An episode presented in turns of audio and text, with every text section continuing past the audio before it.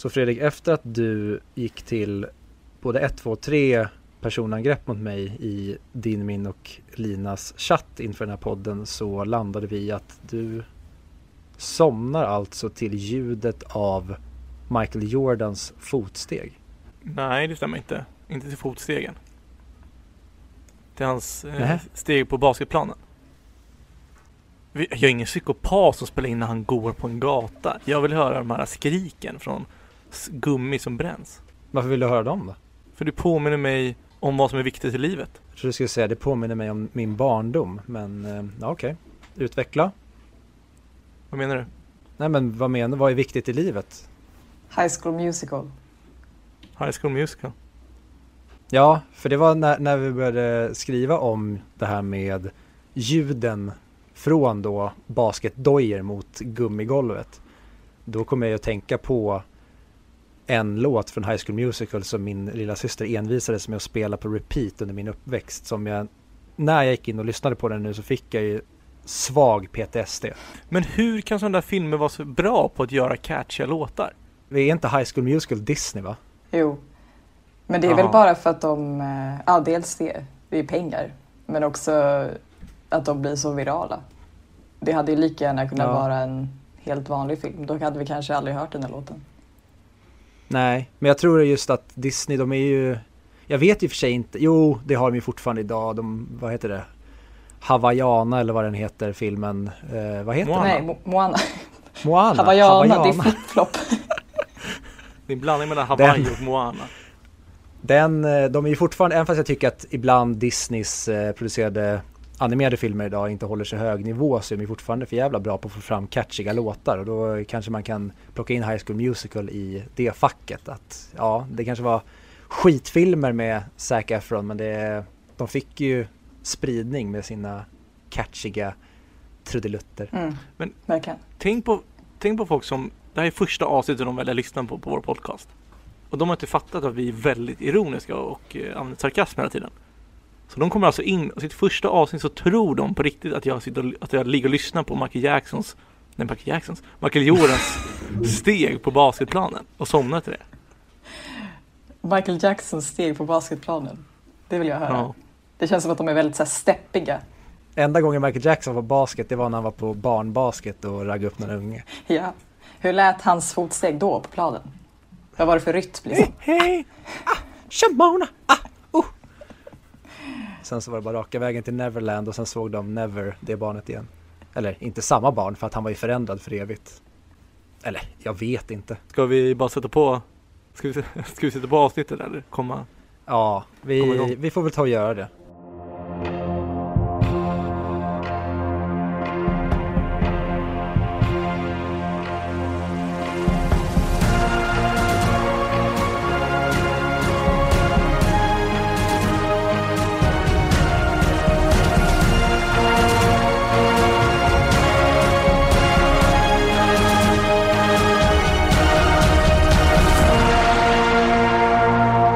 Hej och välkomna till 100 Mic Podcast, podcasten där vi pratar upp IMDBs topp 100-lista, men inte Charlie Chaplin. Verkligen inte Charlie Chaplin.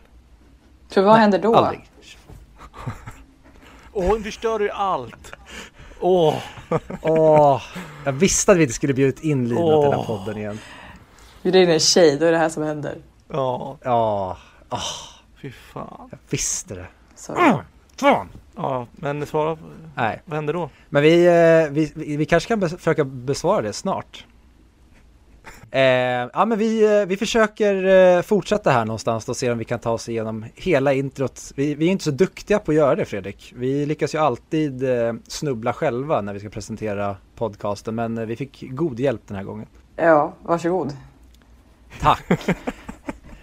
Vi görs i samarbete med Moviesin.se, Sveriges största filmmagasin på nätet. Och jag heter som vanligt Viktor och med mig som vanligt har jag Fredrik.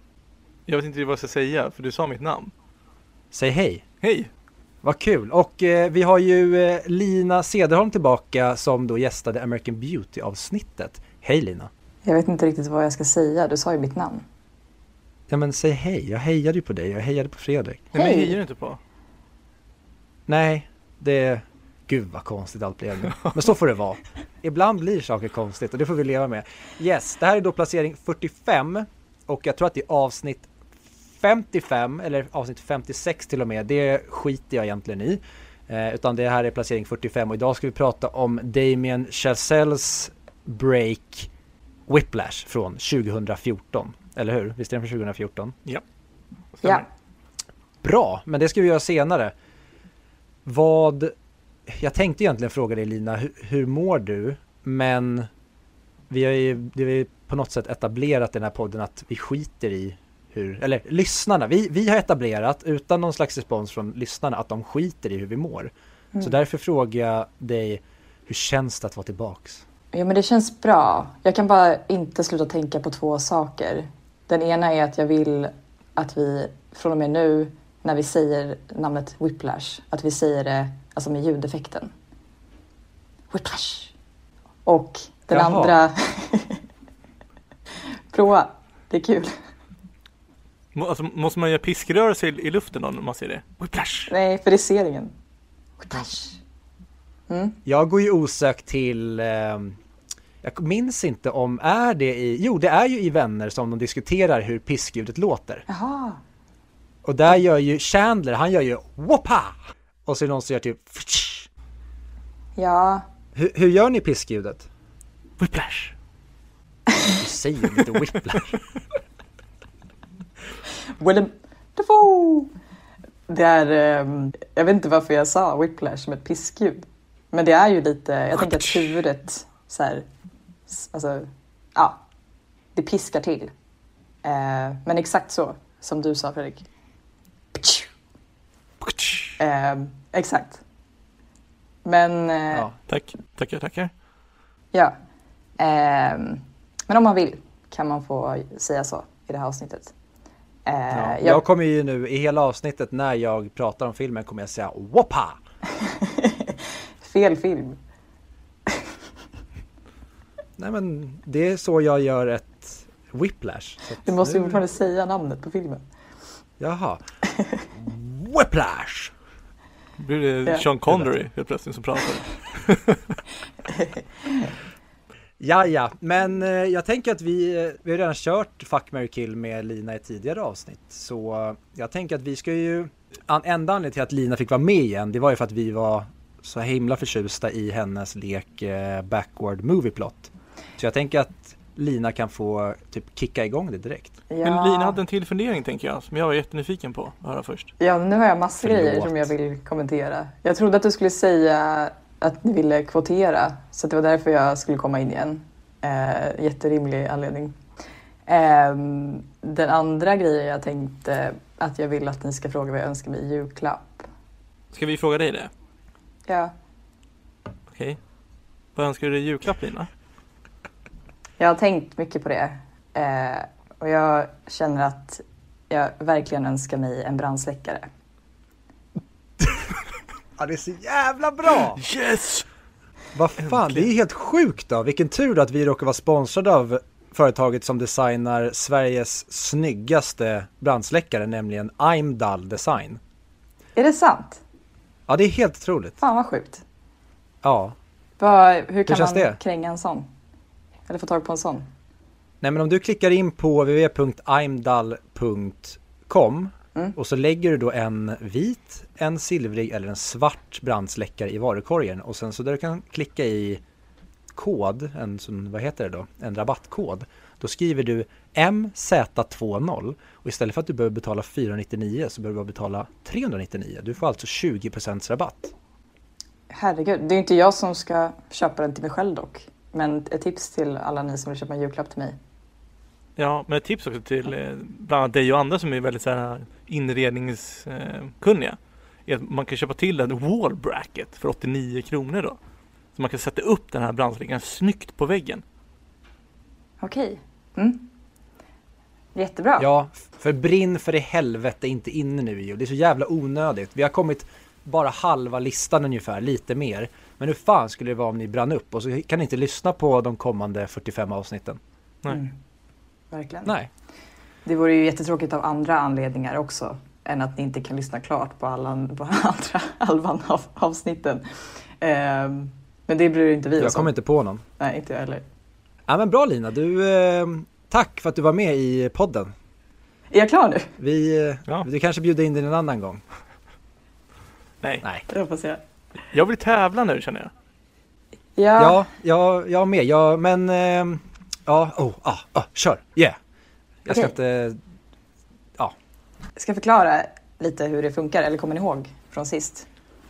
du får gärna dra en eh, liten förklaring för de eventuella lyssnarna som kanske inte var så intresserade av att lyssna på American Beauty-avsnittet, varför någon någonsin inte skulle vara sugen på att lyssna på ett avsnitt om det, men för de som nu, okej, de hade inte tillräckligt med surf så de kunde inte ladda ner avsnitt just den veckan och då fick det bli så. Förklara för dem. De såg att det skulle vara en kvinnlig gäst. Det var därför. Ja. Eh, jag kan Mm. förklara för alla som inte ville lyssna på avsnittet om American Beauty när jag var med sist. Jag tänkte köra en lek eh, som jag kallar för eh, Backwards Plot Quiz. Två står det i min lista nu för det här är andra rundan. Det går till så att jag kommer att läsa upp väldigt kort i typ en mening en filmplott fast baklänges. Ehm, alltså inte bokstavligen baklänges. Eh, Utan att jag kommer läsa upp den som att filmen skulle utspelas baklänges. Jag tror ni fattar, det är jätteenkelt. Men eh, ska vi köra igång? Ja, och vi kör väl att jag och Fredrik, vi skickar våra svar i privat meddelande till dig och sen så får du då avslöja vad vi gissade så att vi inte sabbar för den andra. Ja men precis.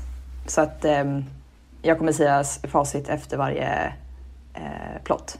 Och så räknar vi poängen i slutet. Vi har filmplott nummer ett. Ett barn växer upp och lever ett helt normalt liv. Så jävla enkel. Oj, du gick från ödmjuk till extremt osympatisk snabbt. Kul att tävla med dig. Eh, Viktor har svarat Benjamin Button. Fredrik har svarat Benjamin Button-filmen. Som att det också fanns en bok eller något. Ja fast filmen heter ju inte bara Benjamin Button. Den heter, du har inte skrivit hela namnet heller. Den heter väl Benjamin Buttons otroliga liv, typ. Men det var därför som jag refererade till att jag menar filmen med Benjamin Button. Ja. Och inte låten. Det var helt rätt svar. Eh, Den, på tal om den filmen så är ju eh, boken, för det finns en bok, Okej. Mm. eller i alla fall en, eh, vad heter det, short story, en novel Mm. som eh, den är baserad på. Jag minns att vi läste den typ i gymnasiet och den har ju ingenting typ med filmen att göra utan filmen är typ bara baserad på konceptet, vad som sker med honom. Mm, ah, Okej, så den utspelar sig alltså, som att han är ett vanligt barn som växer upp? Eller? Nej nej, utan den, den är samma koncept med att det är en person som åldras baklänges men det finns ingenting med det som den, den är inte så här Forrest Gumpig i sin berättelse, att man får följa hans liv på det sättet utan det är mer att jag tror att man typ hoppar in i en story om att det finns en man i den här staden som då åldras baklänges och det är The Curious Case of Benjamin Button. Okej, exakt så heter den. Ska vi köra film nummer två? Ja, tack. En känd sportpersonlighet sabbar sina vänskapsrelationer, förstör stadens huvudgata och ägnar resten av sitt liv åt tävlandet. hmm. Eh, Jag kan, eh, säga att jag har testat det här på en person som gissade på benknäckargänget. jag nämner ingen namn, men det var fel. Alltså jag, ja, jag, eh, jag har ingen aning så jag kommer bara dra till med Ja, ja, ja. Eh. den kommer säkert vara jätteobvious när du väl berättar men Ja, Viktor svarar Talladega Nights. Eller Lights, vad stod det? Nights. Nights, okej. Den, jag tror att, det- jag, jag vet inte fan om jag ens har sett hela den men det är en eh, Will Ferrell film som är, den har väldigt roliga delar när han eh, Han påstår typ att han blir skadad och inte kan köra racing längre Men det är bara placebo Så att typ så här, de kör det här med att sticka en gaffel i benet för att se om han har blivit förlamad Men eftersom han inte är förlamad så skriker han ju Det är Mhm. typisk Will Ferrell humor, den är ganska kul det jag minns av den Men jag är inte säker på att jag sett hela Mm. Jag är ganska säker på att det inte var rätt svar heller. Men eh, Fan. Fredriks var inte heller rätt. Han svarade Pass. Jag vet Pass. inte vilk, vilken film det är. Jaha! Jag skojar, jag fattade att det var ett skämt som inte gick hem. Men eh, alltså, jag har någon teori för jag tänkte vad fan förstör en gata men undrar om det kan vara någon superhjälte som fick krafter? och sen förstör gatan och sen saboterar någonting. Kanske. Det är eh, en Pixar-film. Eh, det är bilar, The Cars. Åh, jag har inte sett den. Jaha, okej. Eh, jag tror jag drog till med någon Disney-film sist också. Ja, strunt samma. Eh, vi kör nummer tre. Ja, Ja. En man blir skjuten vid en tågstation, reser sig upp och firar nyårsafton. Sa du att de här var ganska enkla? Eh, om ja. det är den jag har gissat så är det, här är ju, den är ganska smal tycker jag. Eller den, För jag menar, det enda ledtråden vi fick var, var att det är en man som har firat nyår och sen blev skjuten. Det är allt. Alltså, ja, men eh, det här är också testat på en testperson som lyckades ta den. Så Och han tittar aldrig på film. Så att, ja. Men ehm, Fredrik, vill du svara? Ja, ge mig, ge mig 30 sekunder. Jag ska bara googla. Shooting, New Year's Eve.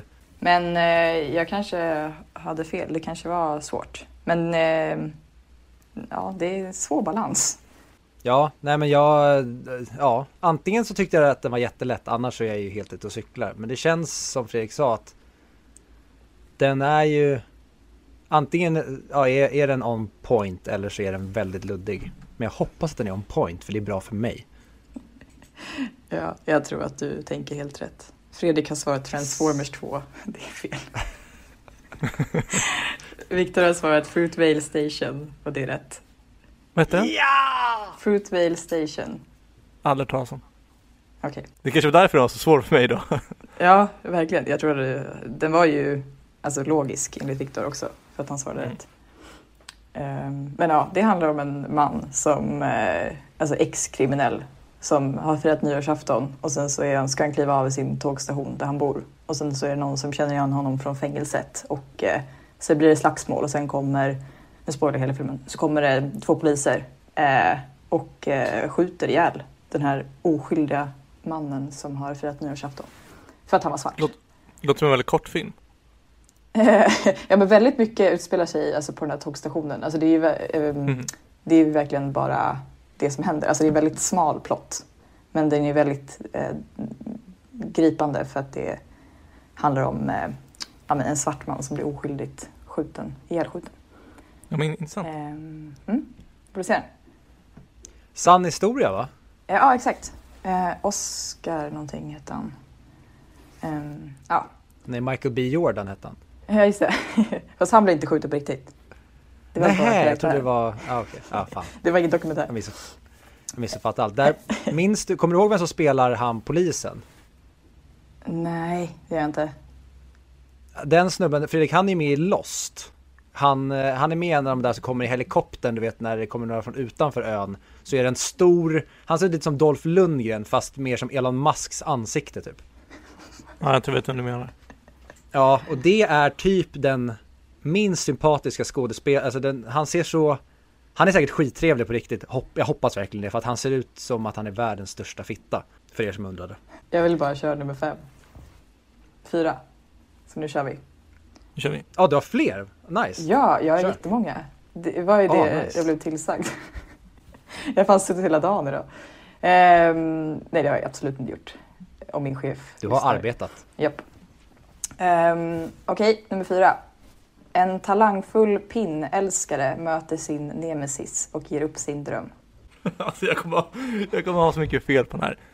Men det här make ju så mycket sens. Nej, jag har fan ingen aning Eller ja, jag måste gissa på någonting Mm.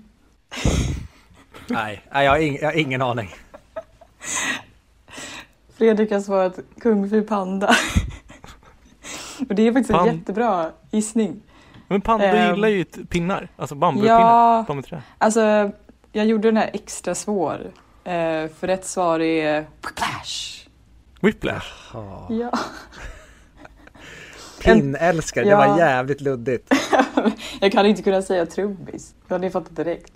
En Oj, talangfull ja. pinnälskare möter sin nemesis och ger upp sin dröm. Jag har aldrig känt mig så förnedrad när Lina kommer in och säger Alltså det är ganska lätt idag. Och sen kan jag inte någon. Nej, men du kanske kan nästa. Vi Ja. kör. Tack. Vi kör på Vi En kör. snygg tjej. Oh.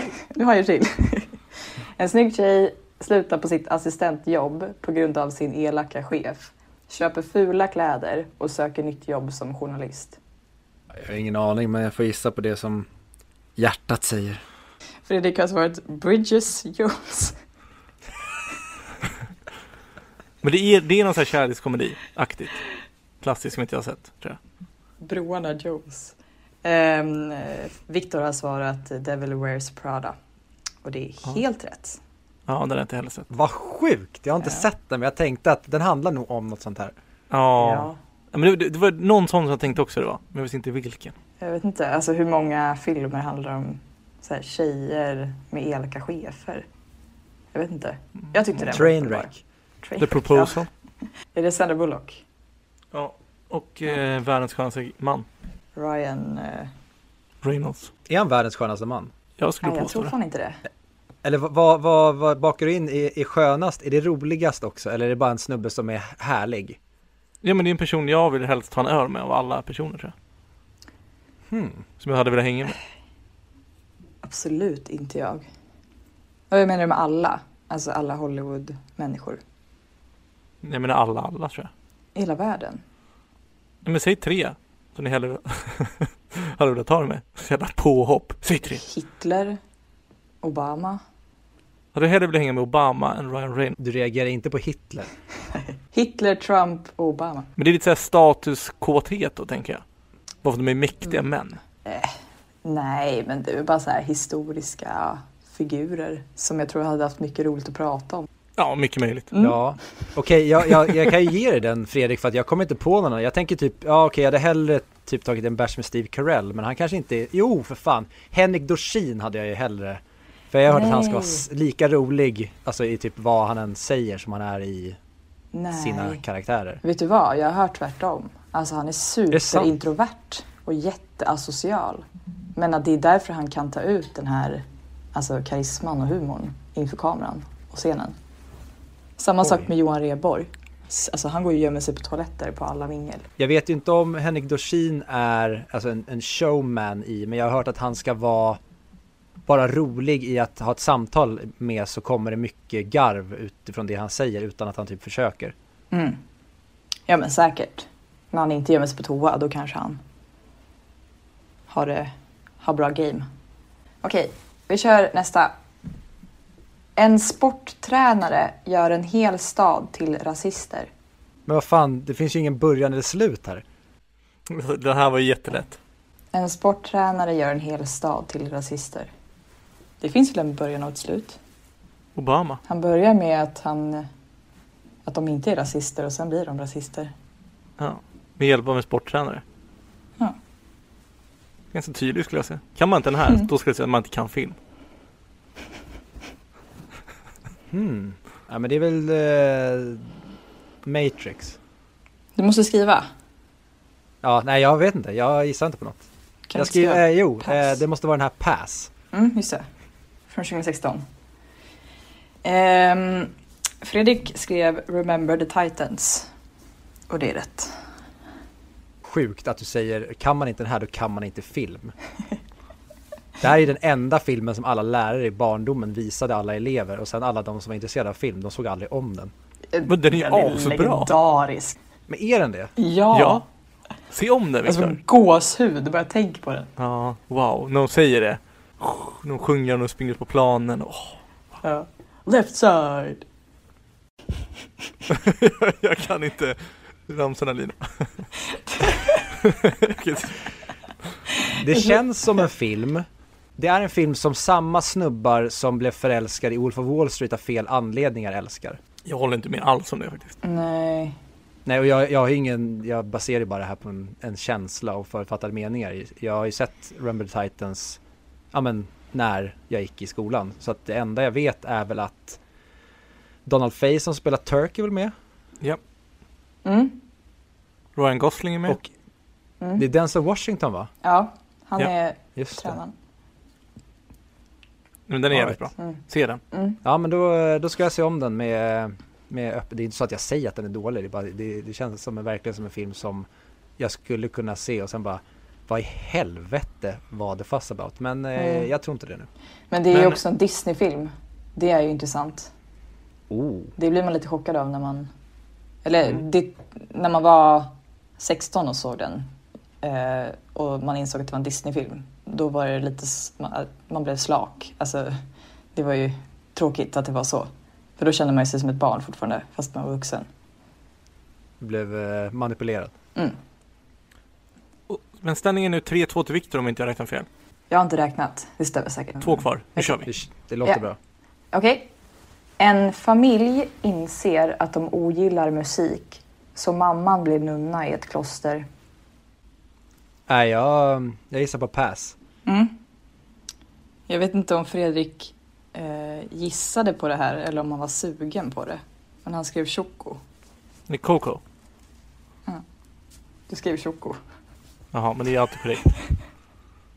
Okej. Eh, det är fel. Rätt svar är Sound of Music.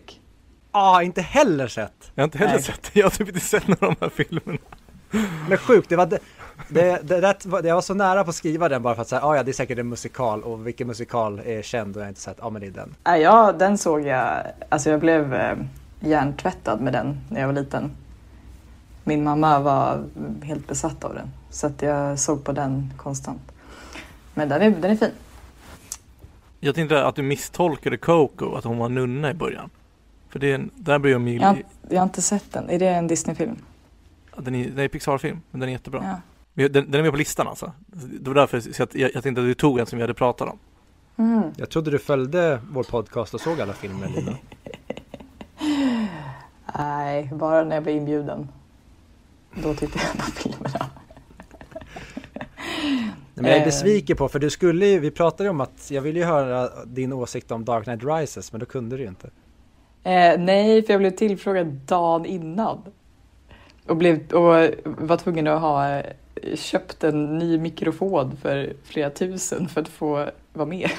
Det där är ju en lögn. Du blev tillfrågad tidigare, men du hade inte sett meddelandet inom citattecken. Va? Du sa det. Inte skulle väl jag? Eh, ja, det var tråkigt. Vi kanske Mm. kan, eh, kan spela om det avsnitt bara. Spela in det igen. Eller Mm. så gästar du Dark Knight. Ja, men den är inte lika bra tycker jag. Oops. Ja, nej alltså jag vet. Jag kräktes i hela datorn, vad är det som händer? ja. Nu måste du ju vara med och prata om Dark Knight. När är den då? Det är typ placering fyra. Ja jävlar. Unpopular opinion. Tio månader. Ja, vi får se. Jag kanske har hunnit Vi ändra mig. kommer, eh, vi hör av oss till dig dagen innan Mm. och säger att du måste köpa en dyr mick så löser vi det. Ja. Eh, vi kör sista. Ja, Den här kan ni. det är, det är fortfarande 3-2 till mig va? Det stämmer. Okej? Ja men nice, då kan du ju taja det här då. Ja. En generös man delar ut diverse kroppsdelar till människor i nöd. En generös man delar ut diverse kroppsdelar till människor i nöd. Mm. Vill du svara pass? Fredrik? Megapass. Eller tvåan. Jonas broar. Ja. ehm, Viktor har svarat Seven pounds. inte det den filmen med Will Smith? Jo. Jo. Men alltså jag, jag tror ni glömmer bort att det är backwards. Alltså vad händer i den? Nej, jag fattade det var Början. backward. Det, det är en som tar kroppsdelar av folk. Ja. Jaha, ah shit. Har du Jag- glömt ja, det? Ja. Nej men jag, jag, jag tänkte ju på att plotten var baklänges, jag tänkte så här, all right, han blir väl det genom det, men innan så här, ja, ja, ja jag vet inte hur jag tänkte. Du har ändå lyckats få tre rätt. Det är imponerande om du har tänkt så genom hela. Nej nej men det, alltså jag missuppfattade den här i och med att Jaha. jag trodde att det här bara var en del av Nej jag vet inte. Nej, Jag kanske har missuppfattat allt. kanske. Eh, rätt svar är sa i alla fall. Är han en generös man? Ja men, ja, men om man tittar på den baklänges blir han ju generös. Eftersom att han delar ut kroppsdelar till människor utan.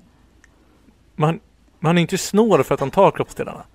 Ja, men, han är ju, om man tittar på den baklänges, alltså du spolar den baklänges, då ser det ut som en man som går runt och alltså, ger kroppsdelar till människor som inte har några. Då är han ju jättegenerös. Jo, men då måste han ju vara snål för att han tar kroppsdelar. Men, vadå, det här är ju inte, alltså, det är ju inte motsatsquiz. Det är ju om du tittar på den baklänges. Ja, jag, Vill att jag... är, du, är du ledsen för att du förlorade? ja, dels det, men sen också för att jag inte har sett någon av filmerna. Ja, Eh. det, Men jag, ja, Fredrik, generöst tycker jag att i. Bra gjort annars. Jag, det är kul att höra vad, vad, vad, vad våra lyssnare fick för poäng. ja. Hur, hur tar vi reda på Ja. det? Vi frågar dem. men Fredrik, Okej. Mm. Du eh, bör ju skämmas i och med att den du tävlade mot och förlorade mot uppenbarligen har missat hela lekens poäng. Men det var ju bara på en film. Jag vet, ja, ja, jo, i och för sig. Ja, Eh. jag tycker det var sisådär bra jobbat faktiskt. Men... Men det var Seven pounds. Nej! Det var var så. så. Alltså det är, jag har aldrig varit så för, förvirrad när jag spelat in ett avsnitt av det här. Nej, men bra. Vet du någon eh, som också är förvirrad? Ja, Andrew är jävligt förvirrad. Nieman. Just det, Andrew Neiman heter han. Så att eh, vi ska väl prata om eh, filmen där en eh, väldigt eh, dedikerad lärare inte kan få sina elever att prestera. Och vad heter den Lina? Cash.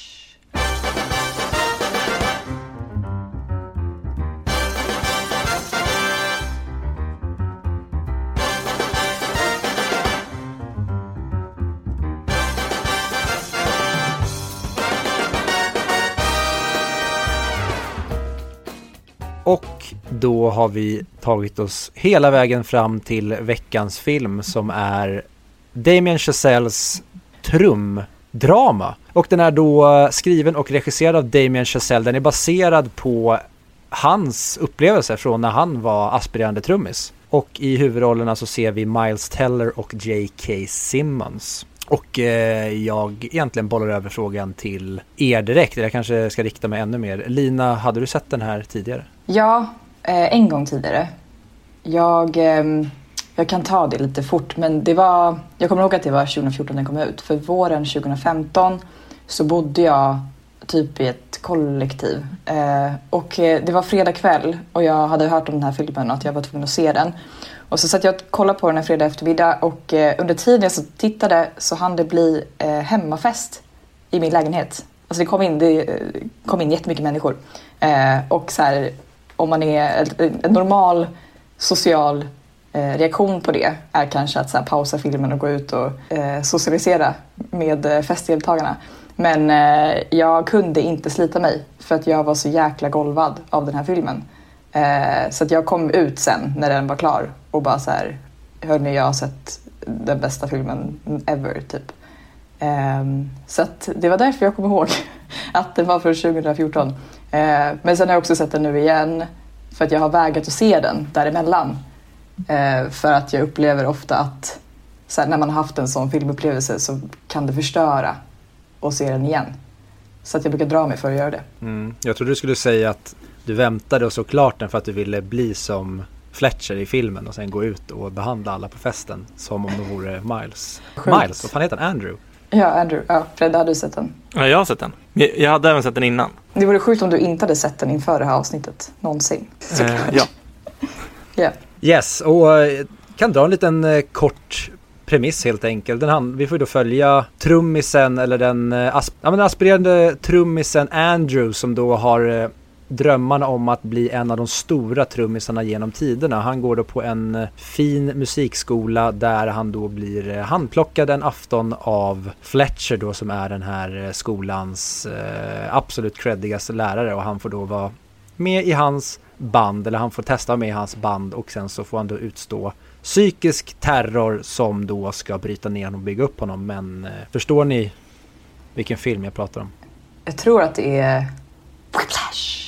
Och vad, känner ni att det är någonstans ni vill inleda eller ska vi eh, hoppa till, eh, hoppa till behöver man inte göra. Ska vi inleda där filmen börjar eller är det någon, någon del som ni känner att ni vill få ur er det, det typ direkt? Jag kan säga så här. Jag är ju väldigt imponerad av filmen. Gissa hur många dagar den, den filmades? Alltså hur, hur långt det tog att filma den här filmen? 20 kanske? 15. Sjukt. 19 tog det. Alltså det var en otroligt snabb film att filma. Ja, Ja, det är imponerande. Mm. Jag eh, såg en intervju med både Chazelle, eh, Miles Teller och eh, J.K. Simmons. Där berättade Miles att han hade, han, eftersom, ja, Damien Chazelle var inte känd regissör tidigare så hade han ingen aning om vad han skulle förvänta sig från honom som regissör. Men han blev så förvånad av att typ eh, Damien Chazelle bara behövde typ så en, två tagningar per kameravinkel och sen bara moving on. Så att han var jätteorolig för att antingen så visste den här regissören inte alls vad han ville ha och bara så ja ah, men det här funkar eller så var han så jävla preppad sen innan han visste exakt vad han ville ha. Okej. Shit. Uppenbarligen så visste han precis vad han ville ha. Ja, det är ju verkligen ännu mer imponerande. En till fråga. Mm. Hur många awards tror ni att J.K. Simmons vann för hans roll som Fletcher? Jag vet att han vann en Oscar. Otroligt välförtjänt för övrigt. Ja, Vann han inte Golden Globe också? Jag vet inte ja, han, ja, han kanske vann... Eh, Men det är så luddigt att säga hur många priser han vann för att det är så här, ja han kanske vann ett pris på någon eh, high school i eh, Santa Barbara som, som de mejlade till honom. Jag vet inte, var, Mm. var drar man gränsen? 47. oj, jävlar. Damn. Men vi kanske kan eh, landa i J.K. Simmons då Mm. och börja med honom. Mm. Hur, hur värdig är han Oscarn? Jag tycker att han är en jävla karaktär. Det finns så mycket med honom som eh, skrämmer mig. Eh, jag känner att jag höll andan under större delar av filmen på grund av honom. Alltså han är ju ett, eh, ett monster. Han är ju en riktig sociopat. Och man dras till honom. Trots att man vet att det är en ond människa så är det fortfarande någonting så väldigt fascinerande. Och man vill bara komma närmare honom. Och man vill heja på honom. Trots att man Mm. inte vill det. Ja, men jag har försökt bena ut lite vad det är med honom som gör honom till en sociopat och ett monster som jag sa. Ehm, men det, alltså, jag har tänkt dels på hur han rör sig. Ehm, han är ju väldigt kort, väl? Fick jag uppfattningen om. Ehm, Ja, intressant för jag tycker han känns som en, en stor figur i filmen. Men jag tror inte J.K. Simmons är så lång. Nej, ja, men det är väl förmodligen det. Att han, alltså den hållningen han har. Och sätt, alltså han går ju rytmiskt. Han är ju liksom en symmetrisk person. Eh, han, eh, alltså också så här, hans ansiktsdrag. Han ser ju inte ens ut som en riktig person. Han ser ut som... Han ser ut som Homer Simpson. Ja, men grejen är eller om ni har sett bilder på honom i verkligheten, han ser ju inte ut så. Alltså det är ju smink. Eh, det bidrar ju, alltså de här eh, ja, men rynkorna, det är också symmetriskt. Jag tror att han ser exakt likadan ut på båda sidorna av ansiktet. Eh, och det är bara det är ju, alltså man skräms ju av symmetriska människor. Tydligen så tycker, tycker folk att man är snyggare ju mer symmetrisk man är. De har gjort tester på det. Alltså ta bilder Ja. de har gjort perfekt sy- symmetri mellan båda sidorna. Och de är rankade högre generellt. Men skräms man inte bara av snygga människor då? Det är ju någonting, alltså jag vet inte vad ni känner men, eh, ja, men jag, ja, jag, vet jag dras till människor med eh, defekter. Alltså det är någonting i, alltså som ska vara lite fel. Alltså det ska finnas lite gula tänder eller typ lite, eh, jag vet inte, ful, tjocka händer tänkte jag säga. Konstigt om man hade tjocka händer men inte resten av kroppen. Eh, ja, men eh, för att fortsätta, alltså han, eh, sättet han klär sig på, en annan grej. Han har ju en sån svart eh, t-shirt konstant.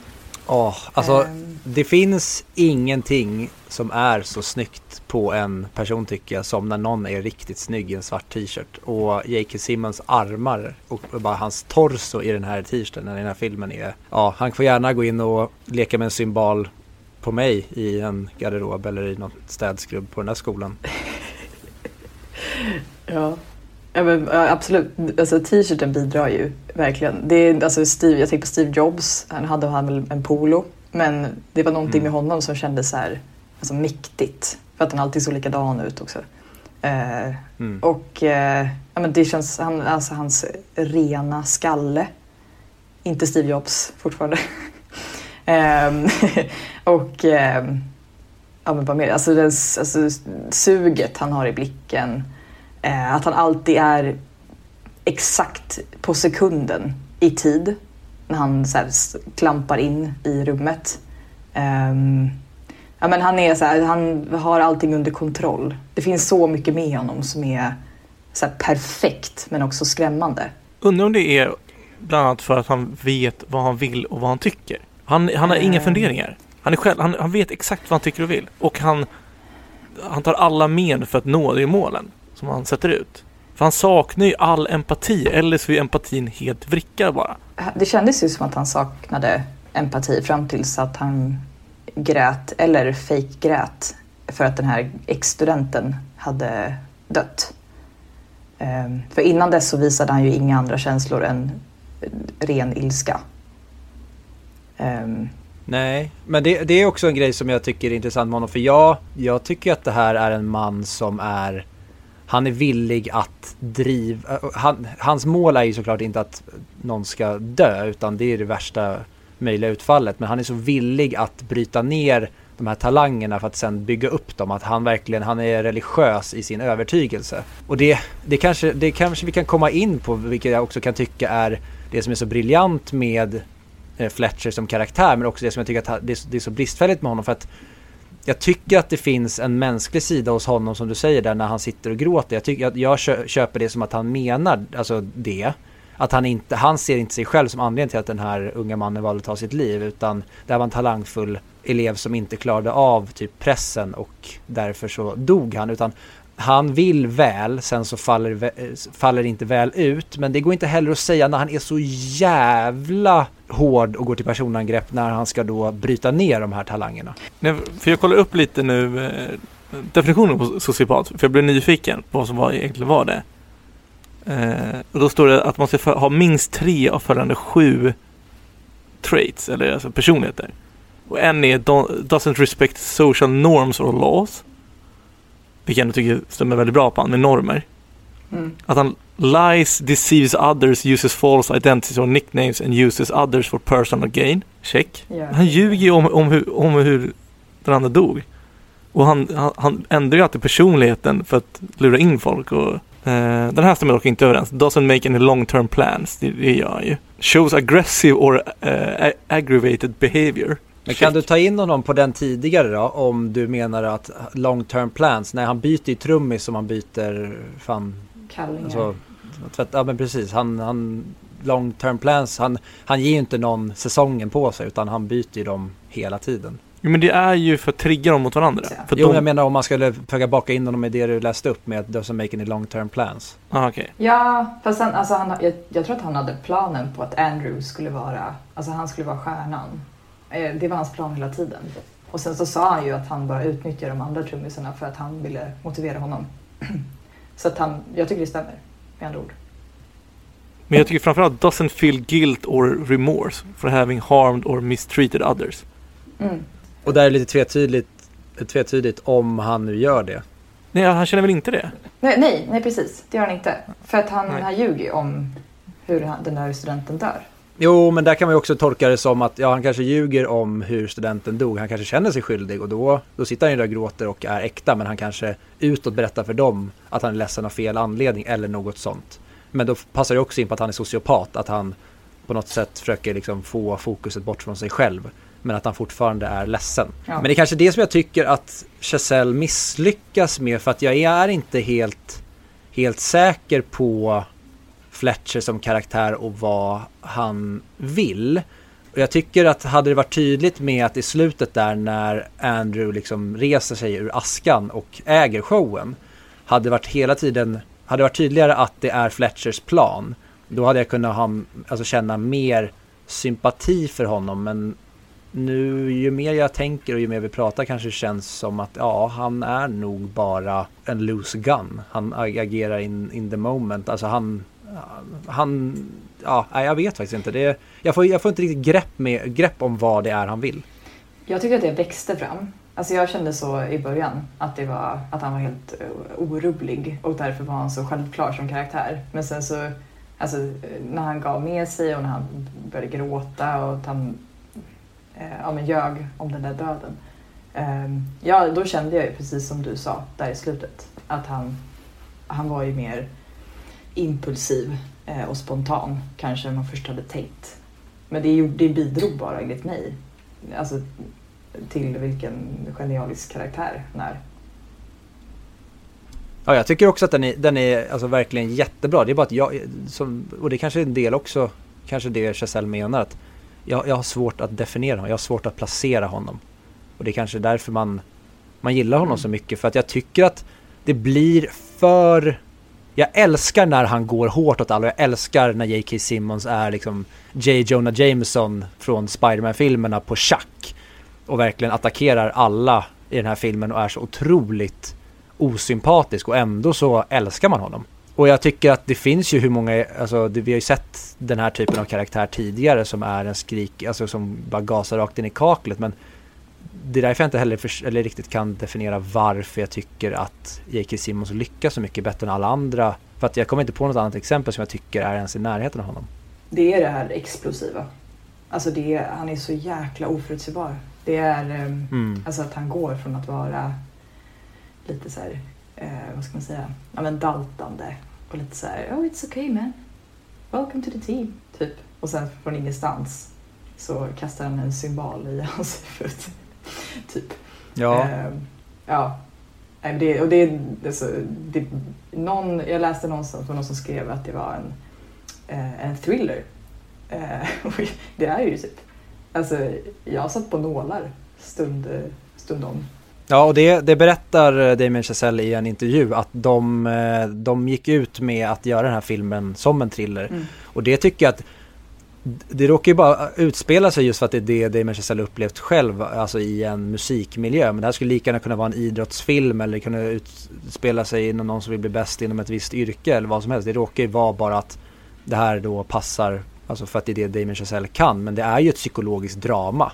Ja. Det är ju så, den, det är liksom en, en nedbrytning i, så tydligt som det går. Och vad, vad det här gör med en persons psyke när han testas ultimat för att också vilja bli bäst. Men det där tycker jag är intressant. Jag tänkte inte på det. Det här med att det lika gärna skulle kunna vara en sport, eh, en idrottsfilm. Men eh, det känns som att det är lite gjort. Alltså det finns, eh, jag kan inte nämna någon på rak arm, men sådana här filmer där det är liksom en monstertränare.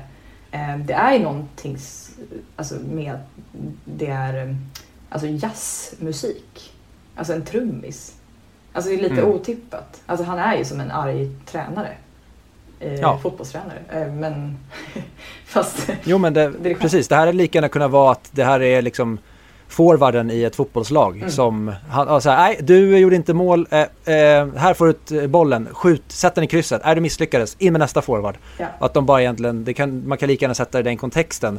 Och det tror jag som du säger att det känns så jävla gjort med idrottsfilm eller på det sättet att därför funkar det så jävla bra när han sätter det i en musikmiljö och just en jazzmiljö. Ja, verkligen. Att de så här läser noter och spelar trumpet. Alltså det är ju så nördigt. Och det är därför det blir så, alltså det är som en, ja, men en merge mellan en idrottsfilm och en eh, så här musik, nördig musikfilm.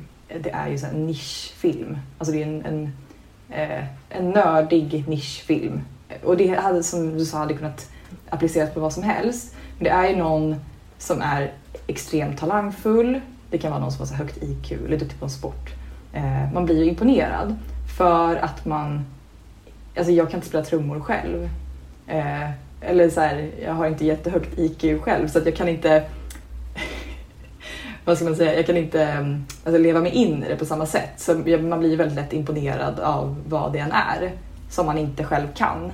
Eh, men om ni hade pratat om den här filmen med någon som var jazzmusiker själv, alltså, eller trummis, hade det här varit samma upplevelse för dem? Vad tror ni? Jag tror det, om inte ännu mer frälst. Mm, okej. Det här, det här känns verkligen som att du är, om du är musiker så känns det som att den här kommer knocka dig ännu hårdare än om du inte är speciellt musikintresserad. Men kan det inte vara så att så här, ja, jag vill gärna veta. Det, ni, ni skulle bjudit in någon som var musiker istället. Det var jättekul. Ja, Alex som brukar vara med i den här podden då, då han är ju musiker. Och jag vet ju att han är ju alltså head over heels för den här filmen. Jag tänker att eh, alltså det kan antingen vara så att man blir golvad, eller ännu mer golvad, men ehm, jag tänker att ja, men, eh, som den här nya Netflix-serien, ehm, The Queen's Gambit. Eh, det känns Mm. som att det är folk som spelar schack som har sagt lite så här, ah, den är lite overrated. Alltså den är typ, det är inte... Va? Tvärtom väl? Inte jag, men vi kanske pratar med olika människor. Vilka Men, känner du som ehm, spelar schack? Nej, jag, alltså jag känner ingen, men jag har hört det på internet.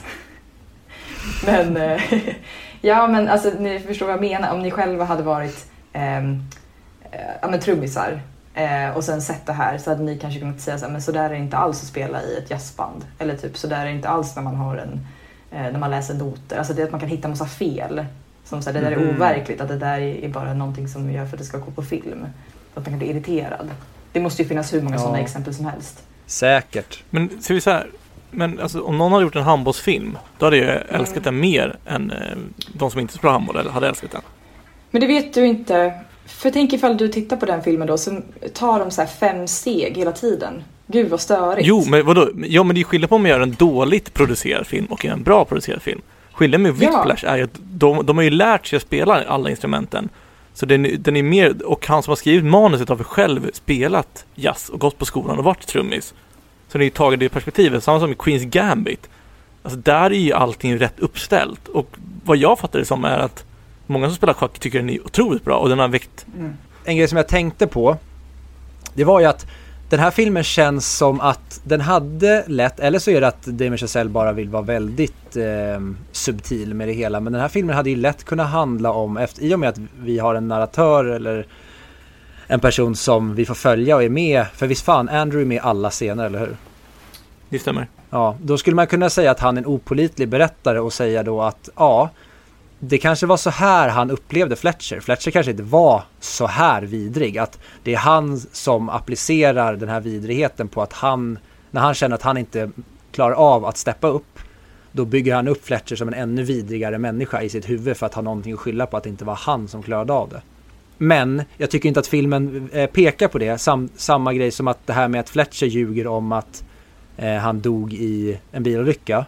Och sen så är då Eh, Andrew med om en bilolycka. Skulle man vilja vara lite mer icke-realistisk i sitt sätt att se på den här filmen skulle man kunna säga att Andrew var den här duktiga unga trummisen och han dör i bilolyckan. Det som händer efter händer aldrig utan vi får se någon slags icke-linjär, vad säger man, berättelse om att det är, det är andra människor som sitter i det där rummet och det är Fletcher som pratar om hans talangfulla elev Andrew som dog i en bilolycka i, när han var på väg till den här tävlingen. Förstår ni vad jag menar? Ja, jag fattar verkligen vad du menar, men jag Väldigt tror inte det. konspiratoriskt. Ja, Nej, nej, jag, jag tror inte alls det. Men jag menar att sådana stoff tycker jag finns och att Damien Chazelle hade mycket väl kunnat gå åt det hållet att fokusera på typ de, alltså de spåren. Men nu gör han någonting så väldigt mycket mer bara, alltså egentligen, vad säger man, inte platt i fel, men verklighetstroget och rakt. Och det tycker tror jag verkligen är till filmens fördel. Ja, verkligen. Alltså, jag tolkar den här filmen egentligen bara som en skildring där man utvärderar eh, till vilken nivå och, vad, och hur mycket kan man satsa på att nå dit man vill. Eh, och hur hård kan man vara för att få resultat? Alltså till vilken nivå kan man gå? Och det är det som han, eh, Fletcher, har kommit fram till att för att få det absolut bästa resultatet så måste jag pressa ut de här så hårt som möjligt. Jag kan inte gå den andra vägen genom att ge beröm. För att bli bäst så måste du själv kunna stå emot mina skrik och mina stolar som flyger. För att själv, själv knyta näven i fickan och tänka nu jävlar ska jag visa honom vad jag går för. där kommer ju det här citatet in. Eh, som är det enda citatet som jag har plockat med mig. Eh, There are no two words in the English language more harmful than good job. Mm. Boom. Det, Boom. ehm, Mm. Jag tycker det är, det är väldigt talande på hela filmen egentligen. Ehm, men det, är, det stämmer ju. Eh, och man går ju igång på sådana här typ citat. Det, är, alltså det, det är någonting med så här jag menar, historier om människor som har gjort sig ett namn och typ deras resa dit. Ehm, så här, vare sig det är genom hård träning eller om det är genom tuffa tränare eller strategier eller talang. Eh, och hans resa som så här, tränare eller coach. Um, eller hans strategier. Men det är...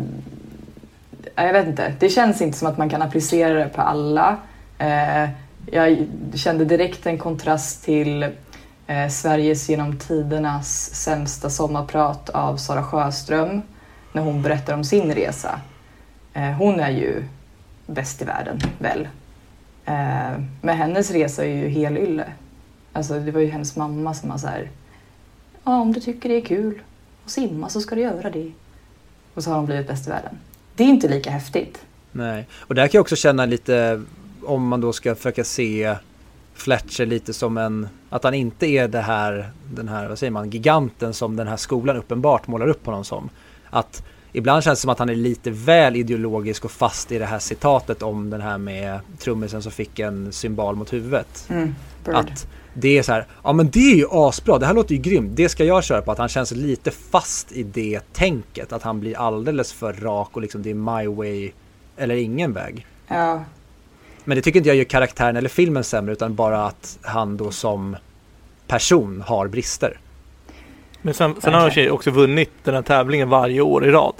Så hans sätt funkar ju uppenbarligen. Jo precis, men sen finns det, det finns, nu har det kommit fram eh, till exempel inom fotboll i Sverige har det visat sig att det finns väldigt många som ja, i efterhand har gått alternativa vägar, alltså inte typ gått via stadslag och sånt och sen kommit upp och blivit stora stjärnor och alltså lyckats i sin karriär- karriär på det sättet. De har, det finns typ organisationer som jobbar med att plocka upp de här talangerna som kanske är, de kom inte in i puberteten lika snabbt som de andra. Och då höll de inte så då blev de bortsållade när det skulle göras urval. Eller till exempel de som inte respondar så himla bra på en viss typ av eh, alltså hur vi tränar och drillar spelare i Sverige. Nu har det kommit upp att det finns väldigt många duktiga spelare som har kommit från andra håll som har alltså funkat bättre på en annan typ av eh, alltså, tränarmetod. Att de inte funkar i den här typiskt svenska modellen som vi har skolat alla våra fotbollsspelare i, utan det finns andra vägar också. Och ja, Fletcher har ju sitt sätt och han har uppenbarligen nått fram dit han ville. Men hur många finns det som kunde ha blivit lika bra om de haft en annan typ av psykologisk utbildning eller att de hade, de hade kunnat nå dit på en annan typ av metod. Mm. Men då spelar det egentligen ingen roll för att uppenbarligen är de här spelarna som Fletcher vill ha i, sin, i sitt lag. Och det tycker jag är, alltså blir så tydligt när eh, man hela tiden spelar ju några olika trummisar mot varandra. Eh, och man, man fattar ju, eller jag tolkar i alla fall som att, ja, men som jag sa innan, att Andrew var ju liksom utvald. Eh, han, alltså de andra, de olika spelen som han har kört. Alltså i, i början är det ju en ganska stark scen när det är någon som eh, spelar i fel tonart. Eh, och han börjar skälla ut en kille som han påstår så här, sitter och tänker på mat typ.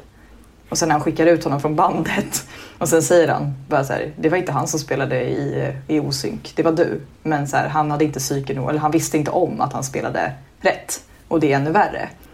Eh, det tycker jag alltså, är så supertydligt att de enda som han vill ha i sitt band eller sitt lag, det är ju de med det här psyket, de som klarar av det. Och det är de som han Mm. tror kan bli bäst. Ehm, Ja, för övrigt, jag tycker typ det är filmens bästa scen. ja, ja, den är helt bra. Ehm, jag, tänker också när de här tre olika trummisarna ehm, sitter och, alltså de sitter typ hela natten och eh, ska spela ehm, Mm. enligt hans tempo. Jag kan tänka mig att de spelade i hans tempo hela tiden. Alltså framförallt Andrew. Men att eh, det var, han, kör, han fortsatte köra med dem för att se vem som eh, orkade längst typ. Ja men precis, och det, det är inte det som du säger, det är inte det den här filmen eller vad den här, det är inte den här filmen handlar om och det är inte det den här läraren är ute efter utan som du säger, det här är ju en, en film om psykologisk liksom, krigsföring. Mm.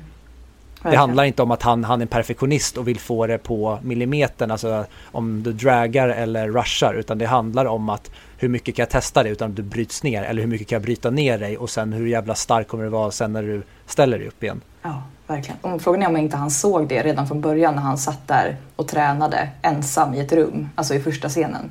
Att det var då han fick upp ögonen för honom och tänkte så här, han kan jag testa. Ja, det känns som den här klassiska, om det hade varit en idrottsfilm. Snubben som står i baskethallen och bara skjuter tre poäng, tre poäng, tre poäng och han bara oj, den här snubben ska jag med i mitt lag och sen så ska vi se hur långt jag kan pusha honom. Kan han bli Michael Jordan? Precis. Och att Andrew kanske tänkte att han så här, oj nu blev jag uttagen för att han tyckte att jag var bra. Men det Mm. var säkert inte så. Det var väl för att han satt där ensam på kvällen. Och gjorde det där i sin Ja men precis. ensamhet. Det fanns, det fanns någonting där som Fletcher har sett tidigare hos de här som, de är inte där på skoltid. Den här snubben sitter verkligen sent på kvällen själv och bara nöter. Han sa Ja. oj, här finns det ett frö som vi kanske kan vattna. Hur mycket kan vi vattna det utan att han drunknar? Verkligen. Men det, där, jag tänker bara på scenen i V för Vendetta. Men Ja. där är det fan när, när Natalie Portman blir bortförd och han som, åh vad heter han som spelar Mr. Smith? i Matrix. Hugo Weaving. Ja. Att ehm, han, eh, hennes önskan tidigare i filmen, nu spoilar lite, men är typ att hon vill inte vara rädd längre. Hon vill känna sig tuff. Mm. Och, och det, som händer då är att då fejkar han att det är staten som kidnappar henne. Sen utsatte han henne för lite tortyr och liknande. Till så här, ja men nu- ska du avlivas. Och då öppnar han upp porten. Och då blir hon fri. Och då har han redan accepterat på att hon ska dö och liknande. Så hon har utsatts för allt det hemska och nu längre är hon inte rädd. Hon, hon är så fri från alltså, all så här, press och rädsla och är mycket mer tuff och självsäker som person. När han väl klarar trumsolot och när han väl går igenom det här steget och tar det här, äh, ja, tar det här steget över tröskeln. Då kommer han veta att han fortfarande måste vara ödmjuk. Han kommer inte vara den här kaxiga ungen. Och han Mm. kommer känna sig mer självsäker. Verkligen. Ja, men som när han testar honom där när han attackerar honom och ja, blir religerad och han inser att nej men Andrew var inte det som jag trodde att han var. Det, där skulle han ju respondat på det sättet han gör i slutet. Otroligt starkt slut. Jag Ja, hade, jag ja, hade det- glömt bort det från första gången jag såg den. Jag tänkte så här, fan vad sorgligt, nu körde han över honom. Och sen, det var ju ändå fem år sedan, det måste ju vara alltså, ärlig mot mig själv, eller snäll mot mig själv. Ehm, men det var, alltså när, han, när Andrew sitter där och skriker, eller, mi, eller eh, mimar, nej vad säger det? Säger det? Ehm, alltså artikulerar 'fuck you'. Eh, Det är så jävla starkt. Och- Och, jag, och jag älskar att, att de, de, liksom, de möts, de, blir, de, de nästan dansar med varandra i slutet. Ja. Att Fle- man ser Fletcher att yeah! Den här jäveln nu, åh han är precis allt jag velat ha. Och man ser Andrew där bara sitter och rockar skiten ur det som Fletcher bara, han bara, man ser hur gubbkåt han blir på. Ja, verkligen. Men jag tänkte på det, alltså under hela filmen så kände, alltså det här är en av de anledningarna till att jag tycker den är så bra. Eh, för att det, känns som en barnfilm. Man är ju en, en enkel, man är en simpel kvinna som, som eh, är lättroad. Men det är, alltså jag tänker på Tom och Jerry genom hela filmen. Det är liksom två typ syskon eller två så här, nemesis som bråkar. Och de så här, springer fram och tillbaka och så här, Alltså i alla fall i slutet när eh, Andrew ger igen då. Eh, Men då är det som i slutet som du sa att det blir som en dans. Att de så inser hur lika de är. Och då blir de så här en gemensam kraft som bara slår samman. Och så är det erektion. Mm. Och jag kan tycka att det, det är en del av varför filmen är så bra. Det är ju för att den är så pass enkel. Men jag hade Ja. nästan kunnat tycka att den var ännu enklare. För en, delar som jag har problem med, eller jag har inte problem med dem, men jag tycker att filmen stannar upp där. Och jag vill inte att den här filmen ska stanna upp, för jag vill ha det här tempot hela tiden. Mm. Det är ju till exempel hans relationer med, ja, men med hans eh, tjej, Nicole heter hon va? Mm. Och även när han är och hälsar på familjen. Där tycker jag att, okej, vi behöver den här, de, de här delarna för att kunna förklara mer om, eh, om Andrew. Men där tycker jag att filmens tempo tappas tyvärr. Även fast jag tycker att det visar oss också tydligt att Ja, Fletcher är ett jävla asshole. Alla som han träffar på på den här skolan är assholes. Han själv är ju också ett asshole. Så det fin- och även hans typ fam- familj är också assholes. Det enda egentligen som jag tycker är sympatiskt det är ju Nicole. Men hon får ju vara det här exemplet på att okej, han tycker jättemycket om henne men han, måste, han upp, uppfattar själv att han måste offra henne för att han ska kunna nå dit han vill nå. Ja. Och sen familjen då tycker jag, jag tycker det är en så jävla bra scen förutom att jag kanske tycker att den kanske är lite väl långsam. Men när han träffar familjen och de bara pratar om hur fantastisk hans brorsa är och att han är liksom eh, high school-stjärnan och sen så när han försöker förklara sin passion och vad han gör så ser de på honom som att så här, ja men det är kul att du har din lilla trumgrej. Och jag Mm. kan tänka mig att det är så jävla många som sysslar med då estetiska saker, vad det nu än är, om du vill bli skådespelare eller musiker eller sångare vad det än är, att de får den här responsen från sina familjer när de, vill berätta, när de berättar vad de gör. Att folk ser inte på sånt här på samma sätt som om de skulle berätta att ah, men jag pluggar till jurist. Mm. När, om du skulle berätta samma grej fast jag säger ah, men jag pluggar till gitarrist. Då ser ju folk, nu har jag för, fördomar men så får det vara, som att så här, nej men vad gulligt. ja. Låtsas intresse typ. Eller en hobby. Ja, Som man inte kan just- bli någonting av. Men det, blir, ja, men, exakt, men det blir ju så i och med att det är jazz och det är inte så många som känner till jazz. Alla känner till amerikansk fotboll. Liksom. Ja, men det är väl inte med någonting med jazz att göra. Det är väl bara musikergrejen generellt. Om det ens kommer in på den bästa musikerskolan i, i USA så tror jag att folk kommer vara imponerade. Då är du ändå på väg att bli en alltså, popstjärna. Men han gick ju på den bästa musikerskolan i USA. För jazz väl? De spelar jazzmusik där. De spelar inte Lady Gaga. okej. Tolkar jag det som i alla fall. Ja, Jag, vet inte, jag tolkar det som att det, var, en- att det bara var de som spelade jazz men att det var bara en del av skolan. Alltså det var en Mm. prestigefylld skola, fattar du det som? Ja. Jaha, ja, för, ja, för jag vet att han säger till familjen att, jag vet inte om han säger att it's the best, best uh, jazz music school in the country eller om han säger bara it's one of the best music schools in the country. Mm. Men det är just det med, med reaktionen att även om han hade kanske sagt att så här, nej men jag går på, eh, jag går på, eh, alltså art school, jag ska bli eh, målare. Mm. Och då tror jag att han hade kunnat få liknande reaktion att det är inte de här standardgrejerna som, som alla, utan när det blir någonting mer åt det artsy hållet då har känns som att familjen har en tendens att liksom se det som att ja ja du kan jaga din hobby här nu och sen så kommer du komma och ta ett vanligt jobb som oss andra. Men det handlar väl bara om pengar? Gör det inte? Alltså för att det är all- alla de här intressena som du nämner. Eh, alltså det är bara så att det finns inga pengar att hämta. Det finns inga jobb att få. Och man kan inte tjäna pengar om man inte är alltså, jätteduktig eller jättekänd. Nej, kanske inte, jo astronaut, då skulle de också klappa en på huvudet för att säga jaha yeah good luck som du säger att ja du, du kommer ju aldrig nå dit du vill nå. Men jag tror det blir ännu mer när du går åt ett liksom ett kulturhåll. Att du vill syssla med musik eller ja, nå- någon typ av konst helt enkelt. Mm. Det som jag tycker är så otroligt, okej för det första nu när vi är inne på slutet så måste jag bara lägga till en sak. Att det kan ju nog vara ja, topp fem i alla fall bästa belöningarna i slut. Alltså payoffen i den här filmen är ju så Ja. otroligt bra. Eh, alltså, jag har sett sista scenen på Youtube som klipp så många gånger. För det är så här, och det är det som jag tycker är så fascinerande.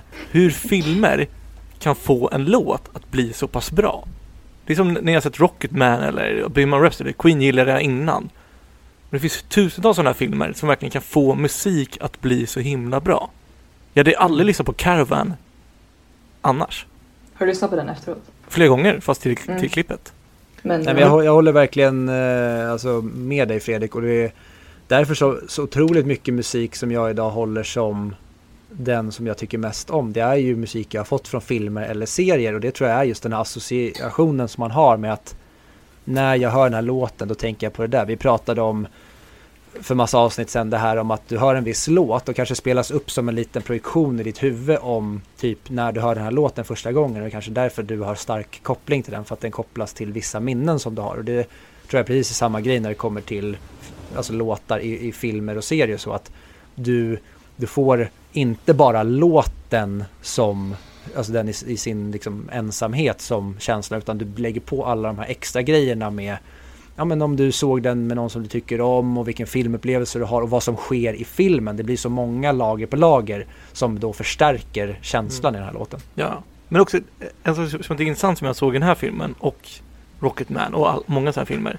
Det är nästan alltid när de fram, eh, framträder sin låt så blir det lite så här, du vet som en så brusande ljud och ljudet försvinner och det blir nästan lite slow motion på dem. Jag får mig det blir så i sista scenen också, eller i någon annan scen när han trummar på scenen. Är det till för att visa att man är in the moment? Att för de som uppträder, att allting annat försvinner och de är bara koncentrerade på det de gör? Ja, det tror jag. Eller det måste vara det den Mm. effekten är till för. Man kan ju höra Men det enda gången, jag, jag, jag, vet- jag förstår ju vad du menar jag, ja det håller jag absolut med om. Men jag, jag, den enda gången jag kommer ihåg det i den här filmen det är ju när han har varit med i bilkraschen och typ när han failar och inte kan spela för att typ hans hörsel försvinner för att han är så jävla trasig av bilkraschen. Det är enda gången jag kommer ihåg när det blir så här muffled sound. Men det, finns, Jag det tror en det gång blir det till. när han, alltså när han går ner i tempo i uh, Mm. Whiplash. Eller Tror du det är också? för- Alltså det är absolut säkert men jag, men jag tänkte det var det enda scenen jag kom ihåg med just det muffled sounden men då var det just, då känns det mer fysiskt att han är på väg att typ inte svimma. Och, och Victor, Mm. den scenen när han tappar sin pinne då och sen så när kameran går upp igen då står Fletcher framför trum, alltså trumsetet. Mm. Det är så jävla snyggt. Alltså fotot i den här filmen men det är så jävla bra tycker jag. Det är, det är Ja. ju också en sån här skräckfilmsgrej. Alltså där hoppar man ju till. För att han är så jävla läskig. Alltså Ja. Fletcher, för att han stod där. Mm. Jag, jag jobbar inte till riktigt men jag förstår vad jag menar. Det är den effekten typ. Mm. Jag tycker att filmen känns väldigt Fincherig. Jag tycker att den har väldigt mycket likheter i foto och stämning och även musiken med till exempel Social Network. Verkligen. Någonting som, som jag också tycker är otroligt fascinerande med nu när vi kommer upp i övre halvan av eh, 50 micklistan eller alltså INVs topp 100-lista, är att de är så jävla bra på att skapa karaktärer som jag inte riktigt vet vad jag ska känna. det är så svårt att hata dem, men jag kan inte riktigt älska dem för de gör beslut jag vill stå bakom dem, men ändå gör de sådana här beslut som jag inte vill stå bakom. Varför ska jag säga upp sin flickvän? Eller ta- göra slut med Ja. sin flickvän? Säga upp. Och då in- in- Visar bara att jag har noll koll. You're fired! Nej men, och det är så här, jag vet inte vad jag ska känna. Och det är så genialiskt. Ja, och det, vi har ju pratat om det många gånger varför jag älskar till exempel den här Alien-grejen. Jag älskar ju karaktärer som jag både älskar och hatar. Jag, jag tycker verkligen inte om karaktärer som är onda för onda, alltså för att de bara är onda eller karaktärer som är genomgoda. Det tycker jag är tråkiga som finns. Därför typ Superman egentligen aldrig egentligen som funkat som karaktär för att han är genomgod, jättebra på allting. Det är inget kul. Du vill ha en karaktär som är full av brister som går mellan, alltså den, den gör tveksamma grejer, den visar mänsklighet och är inte felfri. Nej, och det tyckte jag att han visade i slutet, Fletcher. Ja, Alltså när han gav med sig. Han, eller Mm. ja, det kändes så i alla fall innan man fattade hur, att hur det, de fick en eh, en symbios mellan dem. Det kändes som att han sa what? Alltså gick out of character för att han gav med sig där. Ja, och Mm. det är så snyggt när de, man- bara får se ögonen som ler. Ja, verkligen. Det fanns liksom en, en eh, ganska tydlig punkt där man såg hur han vände. Ja, Alltså, och- d- där. Ja. Ja, ja men wow. Alltså det är... Det, det, oh, jag älskar att hata båda två. mm. Nej, riktigt bra. Jag, jag gillar verkligen att Alltså Andrew är så jävla, han är så jäkla kantig. Han, han känns verkligen som, han, han är så jäkla aspig. Han, han, han är inte bra med människor. Han, han, han, man märker det i hans dejt med Nicole. Han, det, han är lite som en elefant där i en porslinsbutik och ändå, men hon gillar hans charm på något sätt. Men han är ju väldigt dålig med människor. Det, det ser vi i alla scener egentligen när han inte interagerar med folk. Ingen gillar ju egentligen honom. Det är fan otroligt Och den- vad dålig han är på den dejten. Hur fan kan Ja, man och fortsätta träffa ändå honom? så älskar hon honom. Ja. Och så, som Fredrik säger, ändå ger han henne sparken. Men det är så här, hon, är, hon är ju jättesöt och jättehärlig. Ja, Alltså han kommer aldrig hitta en bättre flickvän antagligen. Nej. nej. Ja. Också klockrent att de möts på det sättet de möts och att hon är så himla, ja men verkligen, hon, hon är en, en gullig söt tjej. Mm. Och hon tycker om honom så mycket och de verkar, ja men ha det så mysigt och härligt ihop. Men det är tyvärr, det är musiken eller dig för honom och så tyvärr, jag måste tyvärr kasta det över bord för att det kan bli en femprocentig eller enprocentig distrahering från dig. Och det funkar inte om jag ska bli bäst, tyvärr. Det älskar jag också när han ringer upp henne. Okej, det är lite oskönt av henne. Hon måste ju förstå vad han menar när han bjuder henne på, på att kolla på det där. Eh, eller så är hon bara bitter och svarar sådär. Det är kanske är därför hon svarar så. Men, men det, tror jag, det är bra att de inte blir tillsammans tycker jag. Eller att Ja, någonting Ja. mer så. Verkligen. Det och att hon rejectar honom. Mm. Mm. Men betyg eller? Det tycker jag. Jag kommer inte ihåg vad jag gav American Beauty. Men eh, alltså jag kommer ge den här en tia.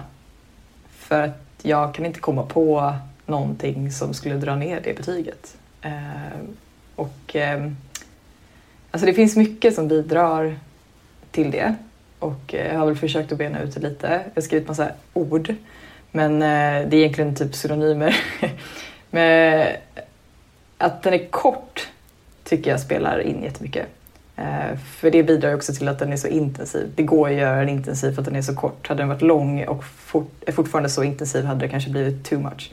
Eh, Mm. Den svänger som en hockeymatch fram och tillbaka. Man hinner liksom inte andas.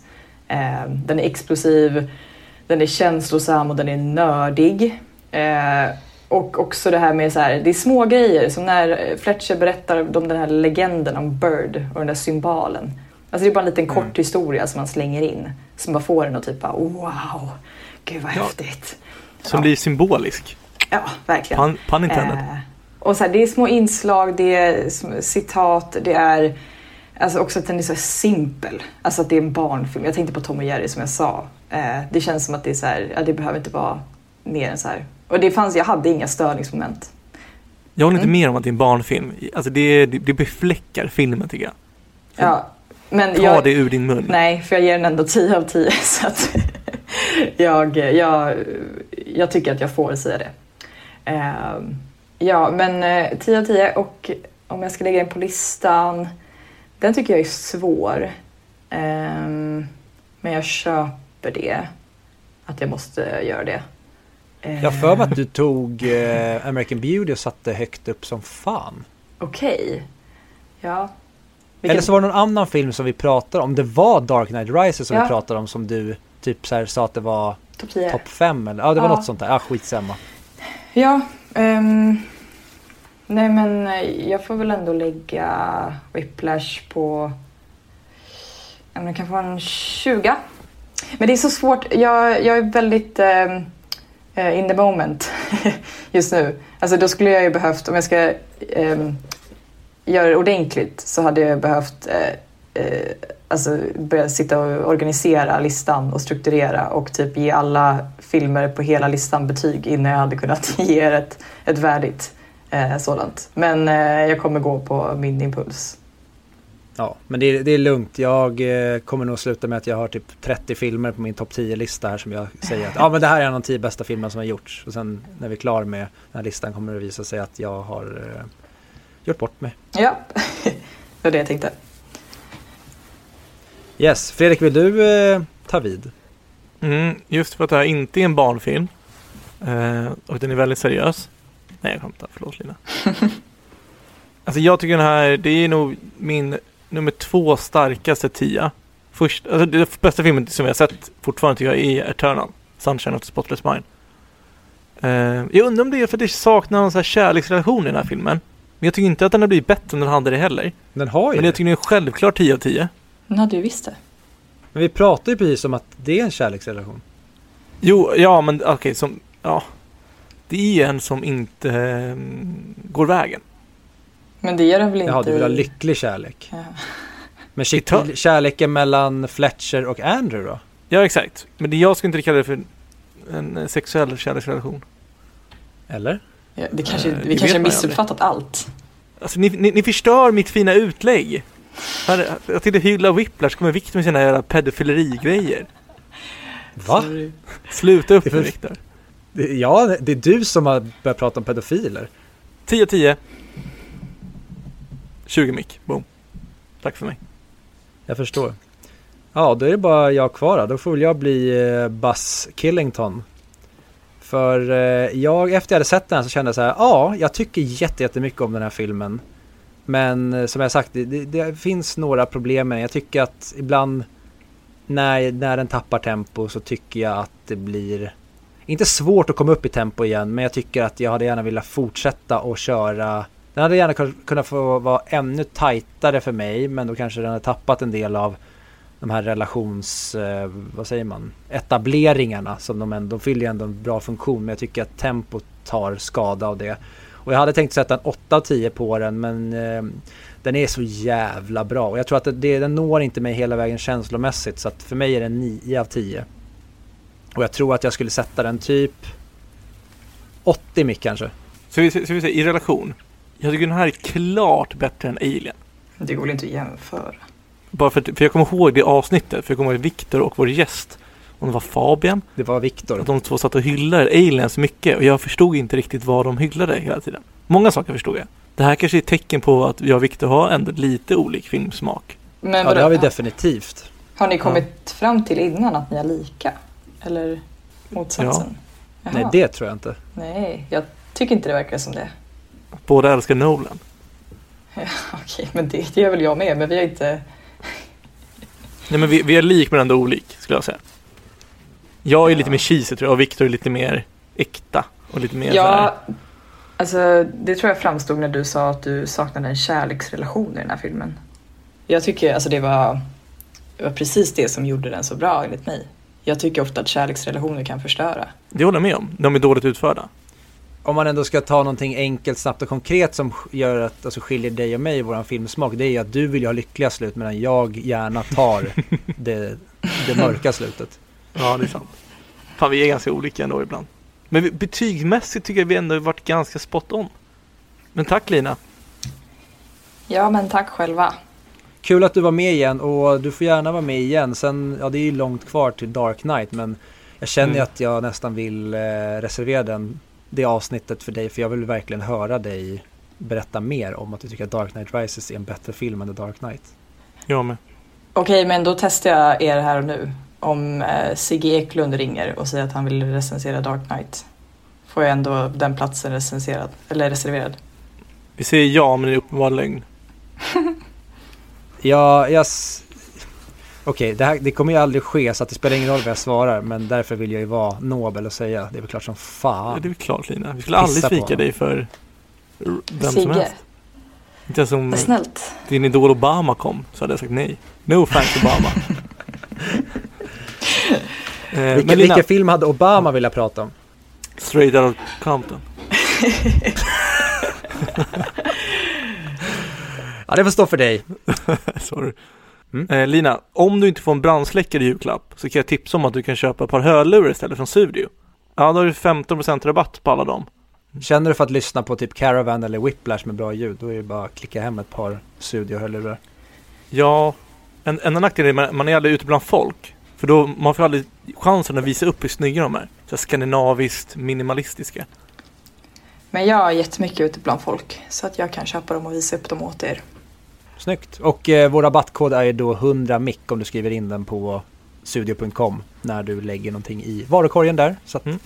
vi inte missar det helt enkelt. Och ni kan kombinera det ihop med Studios andra rabatter. Jag tror att de kommer köra någon rabatt nu generell under eh, julperioden och då kommer ni nog kunna kombinera den med våran 100 mic kod så att ni får ytterligare rabatt. Det är inget bra att säga sånt för då kommer folk vänta till dess. Om, om de nu kör det. Till när?